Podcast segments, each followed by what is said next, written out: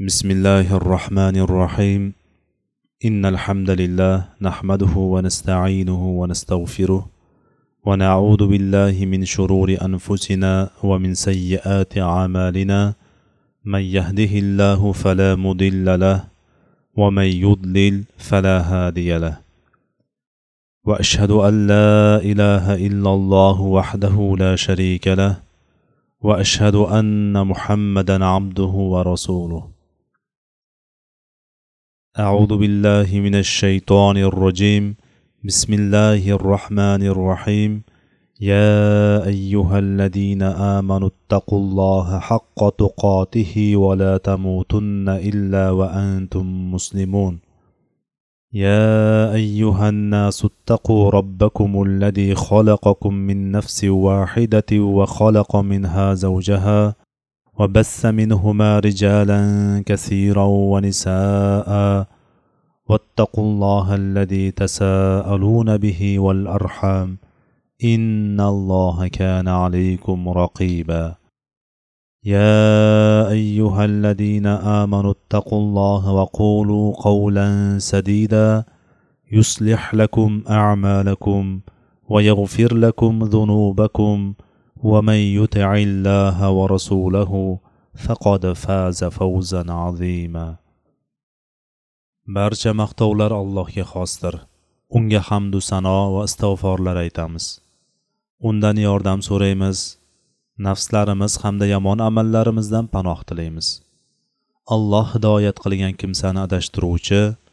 adashtirgan kimsani hidoyat qiluvchi yo'qdir men sheriksiz yagona allohdan o'zga iloh yo'q va muhammad uning bandasi va elchisidir deb guvohlik beraman.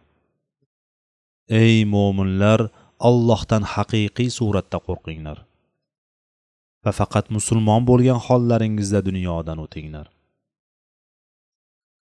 Ey insonlar sizlarni bir jondan odamdan yaratgan va undan juftini havvoni vujudga keltirgan hamda u ikkovidan ko'p erkak va ayollarni tarqatgan robbingizdan qo'rqingiz. Yana oralaringizdagi savol javoblarda o'rtaga nomi solinadigan allohdan qo'rqingiz va qarindosh urug'laringiz bilan ajralib ketishdan saqlaningiz. Albatta alloh ustingizda kuzatuvchi bo'lgan zotdir. Ey mo'minlar ollohdan qo'rqinglar to'g'ri so'zni so'zlanglar shunda olloh ishlaringizni isloh qiladi va gunohlaringizni kechiradi. Kim allohga va uning payg'ambariga itoat etsa bas u ulug' baxtga erishibdi. Assalomu alaykum va rahmatullohi va barakatuh. Shu bugundan boshlab islom tarixining eng muhim bosqichlaridan biri sanalgan andalus tarixiga kiramiz inshaalloh. Andalus tarixi islom tarixining eng muhim bosqichlaridan biri sanaladi. Bu o'rinda nima uchun tarix haqida so'z yuritishimiz kerak degan savol tug'ilishi tabiiy. Ba'zi insonlar musulmonlarning tarix haqida ko'p bahs qilishlarini malomat qiladilar. O'tgan ishga salovat o'tgani o'tib ketdi biz bugungi kun va kelajak uchun yashashimiz kerak deydilar. Vaholanki alloh subhanava taoloning kalomi qur'oni karimning uchdan bir qismi avvalgi ummatlar qissalaridan iborat. Bundan o'rnak olgan holda biz ham tarbiyaviy yo'llarning uchdan birini qissalar asosida olib borishimiz maqsadga muvofiq bo'ladi deb bilaman. Zero bu uslub tengsiz rabboniy uslubdir. Nima uchun qur'onning uchdan biri qissalardan iborat? Alloh taoloning xalqlariga ta'lim berish ularni tarbiya qilish va to'g'ri yo'lga boshlash uslubi nima? Alloh azza va jalla o'z kitobida solihlar va tolihlar payg'ambarlar va ularga yaxshilik bilan ergashganlar alloh subhanahu va taoloning ko'rsatmasidan chiqqanlar qissalarini bayon qildi. Va shu tarzda qur'oni karim bizga kishi avvalgilarning qissalarini o'rganishi kerakligini ko'rsatdi. Ular tafakkur qilsinlar uchun bu qissalarni so'ylang.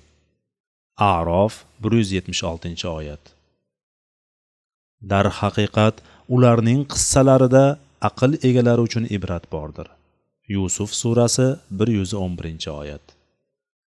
Demak qur'onda kelgan qissalarni yoki islom tarixi yoki boshqa millatlar tarixini umumiy suratda aytib berilganda ulardan xulosa dars ibrat va maslahat olishimiz lozim bo'ladi. Alloh taolo bu borliq koinotda o'zining o'zgarmas sunnat qonunlarini joriy qildi. Shu qonunlarga ko'ra suv muzlaydi o't kuydiradi tun qorong'u kunduzi esa yorug' suv va quyosh hayot manbai va va va hokazo. Bular alloh taoloning yer yuzida xalqlar ustida joriy qilgan o'zgarmas qonunlaridir. Shuningdek odamlarning bir holatdan boshqasiga ya'ni kuchsiz holatdan quvvatli quvvatlidan zaif holatga o'tish ham o'zgarmas qonunlardan hisoblanadi. Alloh taolo insonlar muayyan bir yo'lda yursa ma'lum bir natija bilan yakun topishini belgilab o'zgarmas qonun qildi va buni bandalariga bildirib ham qo'ydi. Tarixni o'qib tarix sahifalarini varaqlar ekanmiz alloh taoloning xalqlarning qilmishlariga yarasha belgilab qo'ygan qonunlarini qanday joriy bo'lgani va ummatlar holatini o'zgarganiga guvoh bo'lamiz. Tarixning takrorlanishi kishini hayratda qoldiradi. Yuz yillarcha muqaddam ro'y bergan voqealarni o'qisangiz ularning bugungi kunda nomlari joylari va tafsilotlari o'zgarsa da voqeaning o'zagi aynan takror bo'layotganini ko'rasiz. Tarix satrlarida go'yo kelajak yozilganday. Allohning sunnatiga hargiz badal topa olmassan allohning sunnatiga hargiz o'zgartirish topa olmassan fotir surasi qirq uchinchi oyat. Andalus tarixi bunga yorqin misoldir. Andalus tarixini zikr qilar ekanmiz. Insonlar qalbini jo'shtirish hissiyotlarni uyg'otish yoki faqat o'tmishni eslab ko'z yosh to'kishni maqsad qilmadik. Maqsadimiz insonlarni tafakkurga chaqirish qissadan hissa olish va kechmish xatolariga qayta yo'l qo'yib emas ularning yutuqlaridan foydalanishdir. Andalus fathi sarlavhasi ostida bitilgan bu satrlarda tariximiz hamda o'zligimizni o'rganish ilmiy jinoyat va soxta tarixlar iskanjasidan kelajak avlodimizni qutqarishga hissa qo'shishni o'zimizga vazifa deb bildik. Islom tarixini o'rganishga kirishgan kishi andalus tarixiga to'xtalmay iloji yo'q. Birinchidan andalus tarixi hijriy to'qson ikkinchi sakkiz yuz to'qson yettinchi yillar orasi.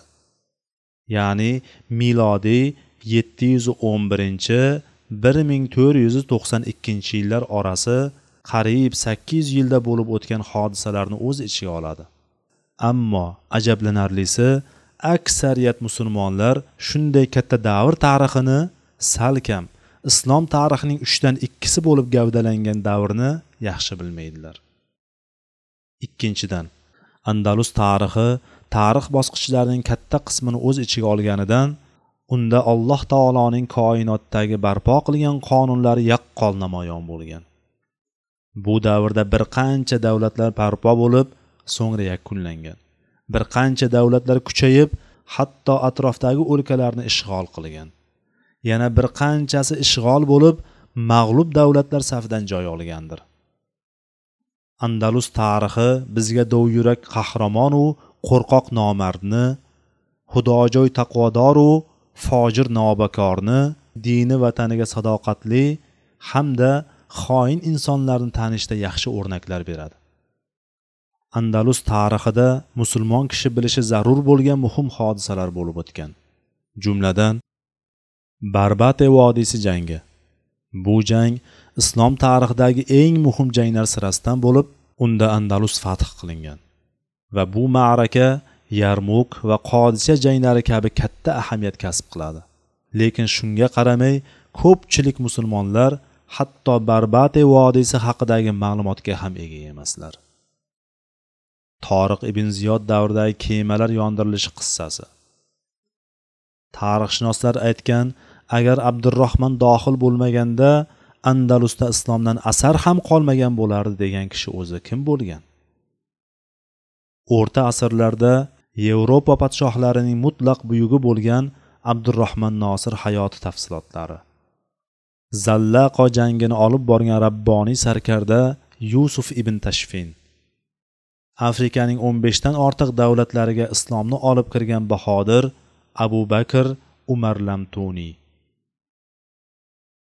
al arok ma'rakasini olib borgan salibiylar ustidan benazir g'alaba qozongan abu yusuf yaqub mansur. Murobitlar davlati muvahhidlar davlati. O'z zamonasida eng katta masjid bo'lib hozirgi kunimizgacha cherkov holda davom etib kelayotgan qurtuba masjidi qanday bunyod bo'lgani? Ishbiliya masjidi qurtuba universiteti umaviylar kutubxonasi andalusdagi hozirgi kunimizgacha har tomondan sayyoh turistlarni o'ziga jalb qilib kelayotgan zahro qasri.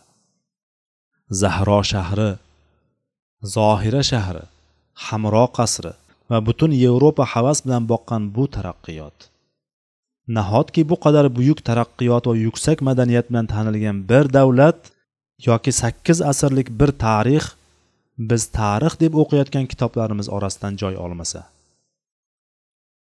Musulmonlar har tomonlama ustun bo'la turib mudhish mag'lubiyatga uchragan al iqob ma'rakasini eshitganmizmi? O'shanda go'yo musulmonlarga hunayn kuni qayta kelganday edi. Jangda sakson mingdan ziyod musulmon halok bo'lgandi. Tarixshunoslar aytadiki al iqob ma'rakasidan so'ngra andalus va mag'ribda urushga layoqatli mard ko'zga ko'rinmadi.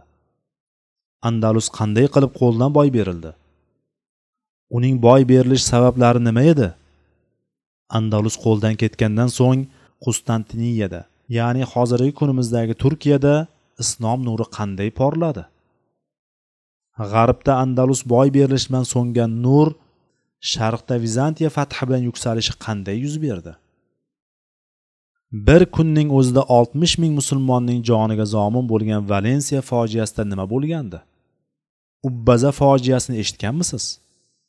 Unda ham bir kunda oltmish ming musulmon o'ldirilgan edi. Yana bir kunda qirq ming musulmon qatl qilingan yetti ming bokira qizlar asir olingan barbashtru fojiasi haqida nimalarni bilasiz? So'ngra musulmon ajdodlarimiz bu kabi ulkan musibatlardan qanday chiqdilar? Agar biz bularni o'rganib to'g'ri xulosa chiqarib hayotga tadbiq qilsak hozirda yelkalarimizdagi muammo va fojialardan xorligu xo'rliklardan osonroq xalos bo'lishga qodir bo'lardik. Andalus tarixi achchiq haqiqatni o'z ichiga olgan achinarli qissadir. Haqiqatan andalus tarixi ibratlarga ilm ma'rifat va ma'lumotlarga boydir. Sakkiz yuz besh yilga cho'zilgan tarixni o'qib chiqishning o'zi uzun zamon talab qiladi. Shu sabab qissadagi ba'zi hodisalarni muxtasar keltirishga va siz azizlarga uzun qissani lo'nda mag'zini taqdim qilishga harakat qilindi. Andalus tarixi barcha musulmonlar takror va takror o'qishiga o'rganishiga arzigulik voqeiy qissadir. Ushbu kitobda imkon qadar tarixiy rivoyatlar orasida kelgan qarama qarshiliklarning asoslilarini keltirishga harakat qildik. Kamol yolg'iz allohga xos ekan bizdan sodir bo'lgan xatolarni to'g'irlab bizga yetkazganlarga o'z minnatdorchiligimizni izhor qilamiz. Agar haqiqatni bayon qilish bizga nasib bo'lgan bo'lsa bu allohning tavfiqidan buning uchun unga hamdlar aytamiz. Bu amalimizni yolg'iz allohning karamli yuzi uchun xolis bo'lishini so'rab bu qissadagi har bir harf va kalimalariga alloh taolodan ajr savob umid qilib qolamiz. Bugungi kunda andalus deganda ikki davlat ispaniya va portugaliya yoki iberiya yarim oroli nazarda tutiladi. Yer maydoni 600 ming kilometr kvadratga teng. Andalus yarim oroli bilan mag'rib orasini jabal toriq bo'g'ozi ajratib turadi. Bu bo'g'ozning sharqdan g'arbga tomon kengligi 13 37 kilometr orasida bo'lib seuta bilan jabal toriq orasi ya'ni bo'g'ozning eng tor qismi 12 butun o'ndan yetti kilometrni tashkil qiladi. Iberiya yarimoroli yevropaning janubi g'arbida joylashgan bo'lib sharqqa tomon torayib g'arbga tomon kengayib borgan va shimol tarafdan fransiyaga pireney tog' tizmasi orqali tutashgan mintaqadir. Fransiyaga tutashgan tarafini hisobga olmaganda boshqa hamma tomondan suv bilan o'ralgandir. Bu mintaqa sharq va janubi sharq tomonidan o'rta yer dengizi shimol va shimoli g'arbiy tomondan atlantika okeanining biskay ko'rfazi g'arb tomondan atlantika okeani bilan chegaralanadi. Bu mintaqani andalus deb nomlanishiga sabab bu mintaqada skandinaviyaning shimoli shvetsiya daniya norvegiya va boshqa yondosh mamlakatlardan yovvoyi qabilalar bostirib kelib ma'lum vaqt o'sha joylarda yashab qolganlar. Bu qabilalarning almaniyadan kelgani ham zikr qilinadi. Bu qabilalar al fandal yoki al vandal qabilalari deb nomlangan. Vandallar iberiya yarimorolni bosib olib u yerga milodiy uchinchi beshinchi asrlar mobaynida egalik qildilar. Shu qabilalarga nisbatan bu mintaqalar vandalisiya deb nomlangan.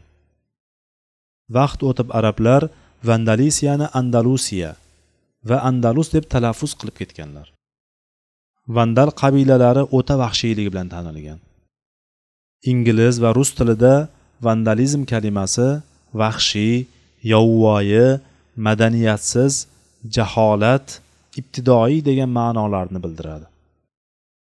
Vandal qabilalari andalus yarim orolida ma'lum zamonlar yashadilar so'ngra milodiy beshinchi asr boshlarida tarixda got qabilalari yoki g'arblik vesgot yoki vezigot nomi bilan tanilgan nemis qabilalariga mansub nasroniy toifalar egallay boshladi. Ular musulmonlar andalusga kirib kelgunicha o'sha mintaqalarda yashab keldilar. Musulmonlar kelmaslaridan oldin andalus va yevropada madaniy maishiy va ma'naviy ahvol qanday edi? Musulmonlar kelganidan so'ng u qaysi tomonga o'zgardi? Islom kelishidan oldin butun yevropa keng tarqalgan jaholat qabohat botqog'iga botgan bo'lib hokim mahkumga ochiq zulm qilar barcha mulk va yaxshi narsalar hokimlar qo'lida. Xalq esa o'ta og'ir holatni boshdan kechirar edi. Omma xalq o'ta qashshoq nochor kunini ba'zir o'tkazar va maskanga zor ayni damda boshliqlar zodagonlar qasr qal'a va qo'rg'onlar qurishga mukkasdan ketgan edi. Hatto faqirlar yer joylariga qo'shib arzimas mato kabi sotilar va sotib olinardi. Hurmat izzat oyoq osti axloq normalari eng tuban darajada. Hatto oddiy hayot tarzidan-da uzoq poklik haqida gap so'zga o'rin ham yo'q edi. Misol tariqasida shaxsiy gigiyenani olsak ularning sochlari to'zib yuzlariga tushib yotsa-da uni to'g'rilab olishni bilmasdilar. Ular yilda bir yoki ikki martagina yuvinar kiyim kiysalar kirligidan idrab yirtilib ketmaguncha yechmasdilar. Ajablanarlisi ular badanlaridagi kirlarni jismning salomatligi va baraka deb e'tiqod qilardilar bu holat izohini yevropalik muarrix gustav lebonning so'zlarida ham ko'ramiz. Uning bu haqdagi so'zlarini ba'zi musulmon tarixchilar o'z kitoblarida shunday keltiradilar.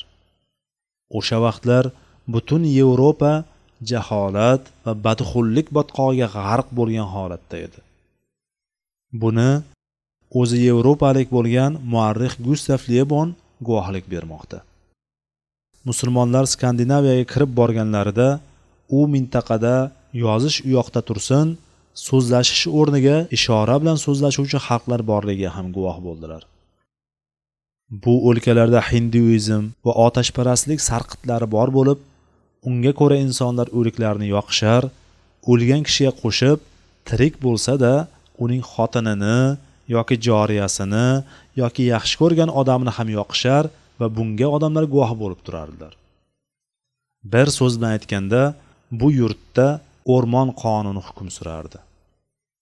Jaholat keng tus olgan zulm avjiga chiqqan faqirlik odamlarni holdan toydirgan hatto madaniyat va taraqqiyotning biror ko'rinishi ham yo'q edi. Yevropa xalqlari uzun zamonlar ibtidoiy yovvoyilikda ilm va ma'rifatdan bexabar yashadilar. Milodiy 11 12 asrlarga kelibgina ilm va ma'rifat uchqunlari ko'rina boshladi. Musulmonlar andalusga kelishlaridan bir yil yoki bir yildan sal oldinroq podshoh vititsiyaning o'limidan so'ng hukumatga roderik ismli sarkarda boshliq bo'ldi. Milodiy 6 asr boshlarida andalusda hukmron bo'lgan gotlar yevropadagi german qabilalari orasida eng quvvatlisi o'raroq namoyon bo'lardi. Hijriy 92 sana ya'ni milodiy 711 yillarda shimoliy afrikani jumladan misr liviya tunis jazoir va mag'ribni to'liq fath qilib bo'lgan musulmonlar andalus yerlarini fath qilishga bel bog'ladilar. Ma'lumingizki mag'ribdan keyin bevosita atlantika okeani boshlanadi. Musulmonlar qarshisida ikki yo'l shimolga ya'ni jabal toriq bo'g'ozidan o'tib andalus mintaqasiga kirish yoki janubga tushib sahroi kabirga davom etish yo'li bor edi. O'z oldilariga hududni kengaytirishni emas balki allohning dinini yoyish va xalqlarga islomni ta'lim berishga haris bo'lgan musulmonlar mantiqiy to'g'ri xulosaga kelgan edilar. Ulkan hududli sahroi kabirning xalqi juda oz edi. Shu sababli musulmonlar mag'ribni to'liq fath qilganlaridan so'ng andalusga andalus fathidan unga yondosh fransiya so'ngra italiya olmoniya va boshqa yevropa davlatlariga yo'nalishlari va islomni yoyishlari mantiqiy edi. Sahoba muoz ibn jabal roziyallohu anhu bilan o'sha zamondagi eng kuchli davlat. Rum davlati podshohi o'rtasida yarmuk jangidan oldin diqqatga sazovor suhbat bo'lib o'tdi. Rum podshosi moz ibn jabaldan bizning o'lkalarimizga yurish qilishning boisi nima? Habash o'lkasi sizlarga qulay emasmi? deya savol qildi. Shunda moz ibn jabal roziyallohu anhu robbimiz karim kitobida ey mo'minlar yonlaringizdagi kofirlarga qarshi jang qilinglar va ular sizlardagi kuch quvvatni ko'rsinlar degan tavba surasi 123 oyat. Siz esa yonimizdagi davlatsiz. Rum davlatini fath qilgandan so'ng habashiston va boshqa davlatlarni fath qilamiz dedi. Xalifa umar ibn xattob roziyallohu anhu davrida milodiy 635 yil musulmonlar elchisi ribai ibn omir roziyallohu anhu bilan fors qo'mondoni rustam o'rtasida bo'lib o'tgan suhbat quyidagicha bo'lgandi. O'shanda rustam dunyoga chiqish huquqini sizlarga kim berdi? degan ma'noda savol qilganida ribai roziyallohu anhu alloh taolo bizni xalqlardan o'zi xohlaganini o'zlari kabi odam xudolariga ibodat qilish xorligidan qutqarib yagona olloh ibodatiga chaqirish uchun dunyo tangligidan oxirat kengligiga tajovuzkor dinlardan adolatli din sari chiqarish uchun yubordi. Alloh bizni xalqlarning uning diniga da'vat qilishimiz uchun yubordi. Kim bunga ijobat qilsa biz uni tek qo'yib ortimizga qaytamiz. Kim bosh tortsa allohning va'dasiga erishguncha unga jang qilaveramiz deb javob berdi. Rustam allohning va'dasi nima deb so'radi? Sahobiy jalil dinni qabul qilishdan bosh tortganga qarshi jangda o'lganga jannat tirik qolganga zafar deya javob berdi. Musulmonlar mag'ribni fath qildilar. Uning yonidagi davlat esa andalus edi. Demak ularning navbatdagi qadami andalusdir. Bu andalus fathi deb nomlangan darslarimiz muqaddimasi bo'lib kelajak darslarimizda bu mintaqada islom kelganidan keyin qanday o'zgarishlar bo'lgani andalus yarim oroli qanday fath bo'lgani va boshqa hodisalar haqida suhbat quramiz inshaalloh vallohu taala alam سبحانك اللهم وبحمدك أشهد أن لا إله إلا أنت أستغفرك وأتوب إليك وآخر دعوانا أن الحمد لله رب العالمين والسلام عليكم ورحمة الله وبركاته